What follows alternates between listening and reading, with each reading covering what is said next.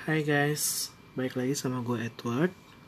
Dan hari ini akan menjadi diary uh, hari pertama gue Yang akan gue ceritakan kepada kalian.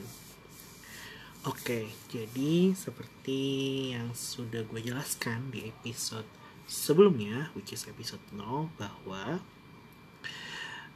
podcast ini akan berisikan dokumentasi gue Terutama uh, utamanya dokumentasi dalam bentuk audio uh, persiapan gue untuk kuliah ke Prancis dalam beberapa tahun ke depan. Jadi akan tidak akan se skrip atau se pasti gitu loh karena gue juga ya namanya persiapan kan ya moganya gue sih lancar-lancar terus tapi maksudnya semuanya benar-benar gue rangkum seada-adanya se senatural mungkin apa yang gue jalani itu yang gue ceritakan di sini. Oke jadi di episode satu ini gue akan uh, menjelaskan dan menceritakan kepada kalian kenapa sih gue uh, memilih Prancis untuk kuliah jadi uh, cerita ini berawal dari gue, uh, gue itu emang dari dulu tuh pingin kuliah ke luar negeri. Uh, kayak emang dari dulu tuh gue emang dari kecil sih kayak pingin banget bisa ke luar negeri gitu loh. Tapi nggak cuma buat liburan, tapi gue bener-bener bisa pingin tinggal di sono. Dan ya seiring jalannya waktu mimpi itu tuh tetap tetap apa ya tetap ada gitu loh. Uh, fun fact bahkan mimpi ini udah pernah gue coba untuk gue tinggalkan dan gue buang kayak udahlah gue stay di Indo aja gitu. Tapi somehow kayaknya emang apa yang kita nggak ngoyo-ngoyoin kita nggak pikir-pikirin nggak benar-benar kita apa kejar banget tuh justru malah bisa datang lagi dan itu benar-benar kayak apa ya? Kayak ajaib sih. Jadi gue itu awalnya uh, pingin kuliah ke luar negeri tapi gue uh, menargetkan itu gue mau ke negara-negara yang berbahasa Inggris. Dengan alasan uh, gue sudah cukup lah bahasa Inggris gue gitu kalaupun emang harus uh, kan kalau misalnya ke luar negeri yang ya kalau bahasa Inggris itu kan minimal lu punya TOEFL kalau nggak IELTS gitu kan. Ada dan dan ada minimal skor yang harus lu capai gitu loh. Untuk bisa diterima di uh, kampus di negara-negara berbahasa Inggris itu dan uh, kayak ya pokoknya udah pede lah. Kalaupun emang kurang ya udah gue tinggal belajar aja lagi tambahan persiapan TOEFL persiapan IELTS gitu bisa lah dan um, gue hampir kayak dua tahun melakukan research dengan kampus kampus-kampus yang ada di negara-negara dengan berbahasa Inggris. Um, kita sebut aja gue eh gue kita sebut aja lagi. Maksudnya negara-negara berbahasa Inggris yang gue masuk itu adalah uh, eh, UK US dan Kanada. Pokoknya tiga itu emang uh, yang gue incer. Sebenarnya ada Aussie dan New Zealand yang berbahasa Inggris cuman uh, gue kayak aduh kayak terlalu deket deh sama Indo. Entah sih walaupun sebenarnya gak deket-deket banget dan nggak segampang bisa bolak-balik kayak kayak lu ke Bogor gitu lo tinggal jatuh nggak kayak gitu sih. Cuman kayak gue pingin jauh sekalian aja gitu. Nah ininya gue mengincar tiga negara tersebut which is US, UK dan Kanada dan ya mereka semua pure berbahasa Inggris kan. Lalu setelah gue riset research waktu itu um, tentu saja pertimbangan gue adalah biaya di mana hmm, biaya itu udah pasti jadi kayak apa ya fokus lah apa ya dengan lu mau ke ke luar negeri gitu loh dengan kurs yang berbeda dan di atas rupiah gitu loh. Eh, dan akhirnya gue kayak oke gue putusin buat mencari beasiswa. Tapi sayangnya beasiswa buat S1 tuh jarang banget gitu loh like bener-bener jarang banget jarang banget bener-bener jarang banget buat S1 tuh jarang banget gitu loh.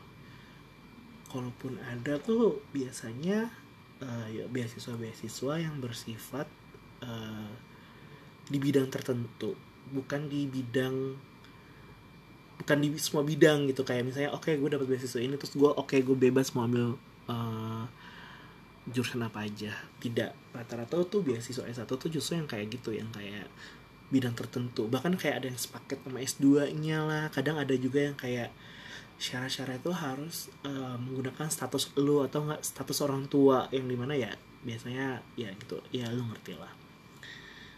Eh, dan beasiswa pun juga mostly itu yang kayak cuman biaya kuliahnya aja. Kalau enggak biaya hidupnya aja. Kalau enggak ya setengah-setengah gitu kayak aduh susah juga nih ya gitu. Kayak nyari yang 100% ya ini sebenarnya ini baik mau banget sih gue Amin kan ya di sana bisa part time cuman kita nggak ada yang tahu ya apakah kuliah gue nanti akan kayak gimana akan padat atau gimana daripada gue nyari gara-gara ya fokus gue tetap nyari yang 100% tapi kalau nggak dapet yang 100% ya udah nggak apa-apa. Dan uh, notes ya ini gue juga bukan seorang yang pinter banget atau berprestasi banget nggak nggak sama sekali. Jadi emang kayak dari guanya sendiri pun juga sudah pesimis untuk bisa dapetin beasiswa beasiswa seperti itu. Eh, akhirnya gue eh, tetap cari-cari lagi sih kayak hampir ya hampir 2 tahun kali ya kayaknya nyari-nyari. Ya tapi nggak rutin tiap hari juga sih tapi kayak kalau ada waktu gue cari-cari gitu loh bahkan gue udah sempet email eh, beberapa kampus. Bahkan gue dapat info kalau ada beberapa kampus tuh yang eh, di US tuh state-nya atau provinsinya tuh memberikan pinjaman. Cuman konsep pinjaman atau loan ini tuh gue agak rada takut ya. Karena pertama lu ngutang sama negara orang. Dan kita nggak tahu ya gue lulus kerjanya kan gimana gitu kan. Jadi gue nggak mau banyak take a risk lah gitu loh. Kayak pokoknya fokus gue pengen kuliah keluar. Nah sampai di akhirnya di titik yang akhirnya ah udahlah kayaknya emang susah ada jalan gitu loh buat kuliah keluar di negara berbahasa Inggris dengan eh, biaya yang entah bisa beasiswa atau gue sendiri gitu loh. Sedangkan kalau sendiri tuh kayak gak ada gue tuh tuh nggak ada nggak ada apa ya. Bahkan sanggup untuk mikir ke konsep itu pun tidak gitu karena mahal banget kan. Kayak buat gambaran aja tuh kayak biaya kuliah awal masuknya itu bisa 300 juta sendiri gitu loh ke negara-negara tersebut. Itu belum termasuk sama eh, biaya hidup. Nah udah nih gue meninggalkan cita-cita gue gue lupain gue ya udah gue tinggal aja sampai bla bla bla bla bla. Eh, jadi tuh gue punya emang punya teman. Dia tuh emang eh, lulusan Prancis Kul- eh, pernah kuliah kuliah di Prancis nah tapi gue tahu maksudnya gue tahu dia keluarganya emang tajir gitu loh. Jadi gue nggak pernah yang kayak nanya-nanya juga ke dia gitu loh. Ditambah juga target gue kan eh, negara berbahasa Inggris. Sedangkan kalau Prancis kan gue taunya tuh emang mostly orang-orang itu emang apa sih eh, terkenal yang bisa bahasa Inggris tapi menolak untuk berbahasa Inggris gitu. Kalau emang lu bisa bahasa di lu di Prancis ya lu berbahasa Prancis gitu. Itu yang gue tahu ya. Nah, jadi stereotip stereotip itu kayak ah jangan tajir ya. Ngapain juga gue tanya udah pasti pakai biaya sendiri lah nggak mungkin beasiswa beasiswaan suatu hari nah suatu hari itu gue makan all you can eat nih ya pokoknya tetap pokoknya gue makan all you can eat. Di satu tempat makan all you can eat Eh, ngobrol-ngobrol bla bla bla dan dia tahu kalau gue mau kuliah ke luar negeri. Tapi kayak tahu aja gitu gue emang punya target mau kuliah ke luar negeri gitu loh. Tapi nggak pernah yang kayak tiktokan kayak eh lu mau kuliah ke mana? gitu gitu nggak pernah gitu loh. Uh, apa ya dia nanya tuh kayak gimana? Uh, lu mau kuliah negeri kan gimana nih? Udah sampai mana? Gitu. Jadi kita tuh pelan pelan gue udah berjalan. Padahal sebenarnya gue malah sudah meninggalkan mimpi itu. Bla bla bla.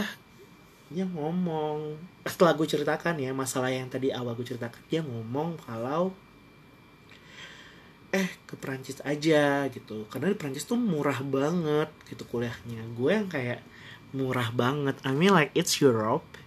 It's uh, euro mata kuliah uh, mata uangnya mata kuliah lagi mata uangnya euro yang kayak satu euro aja tuh kayak 16 ribuan rupiah bahkan lebih gede daripada dolar US yang kayak yang bilang tadi kuliah di US aja lo masuk 300 juta gitu loh dari dolarnya di rupiah apa kabar euro?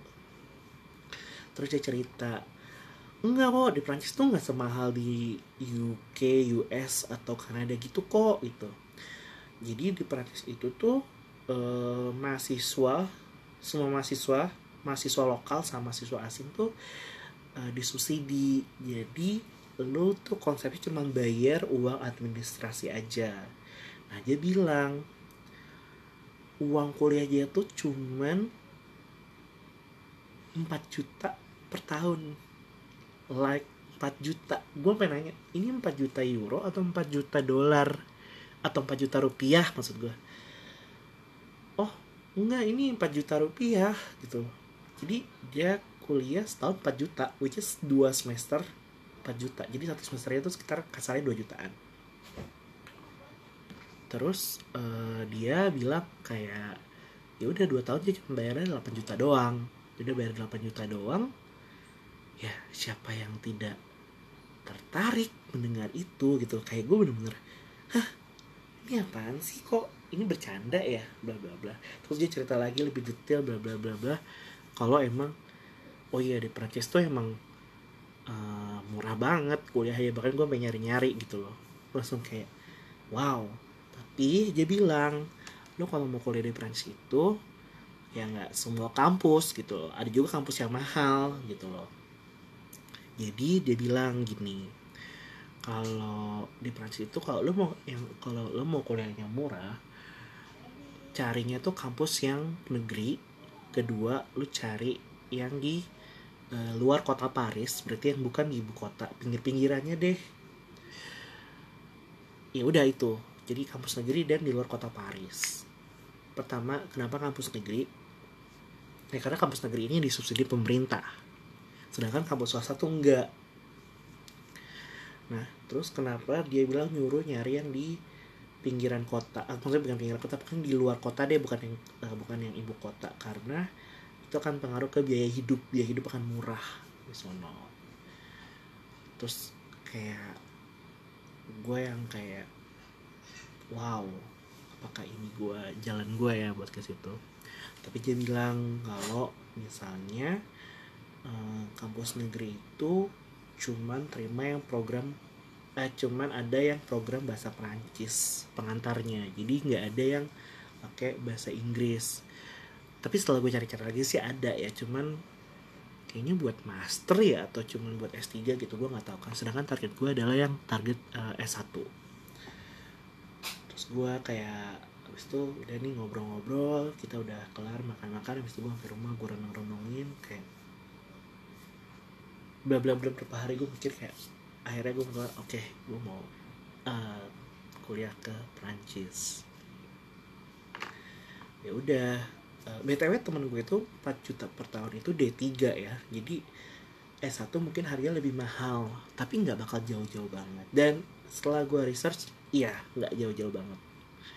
Terus akhirnya uh, ya ya udah akhirnya gue putuskan untuk bisa kuliah ke Pran uh, kuliah ke Prancis dari situlah uh, perjalanan gue untuk mencari-cari kampus itu dimulai dengan kayak ya mulai research research mulai kayak bla bla bla. Btw temen gue juga ngasih tahu sebenarnya kalau lo mau ke Prancis itu lo bisa lewat ada ada beberapa cara.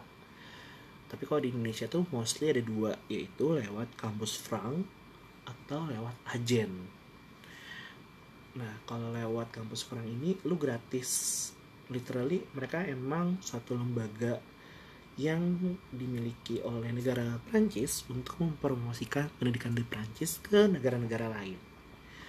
Dan kampus Frank ini di bawah naungannya Kementerian Pendidikan eh, Prancis itu sendiri. Nah, kampus Frank ini secara langsung jadi agent lu sih kayak nanti lu daftar kuliahnya juga lewat mereka di kayak dipandu lah di mereka dan gratis tis tis tis begitu.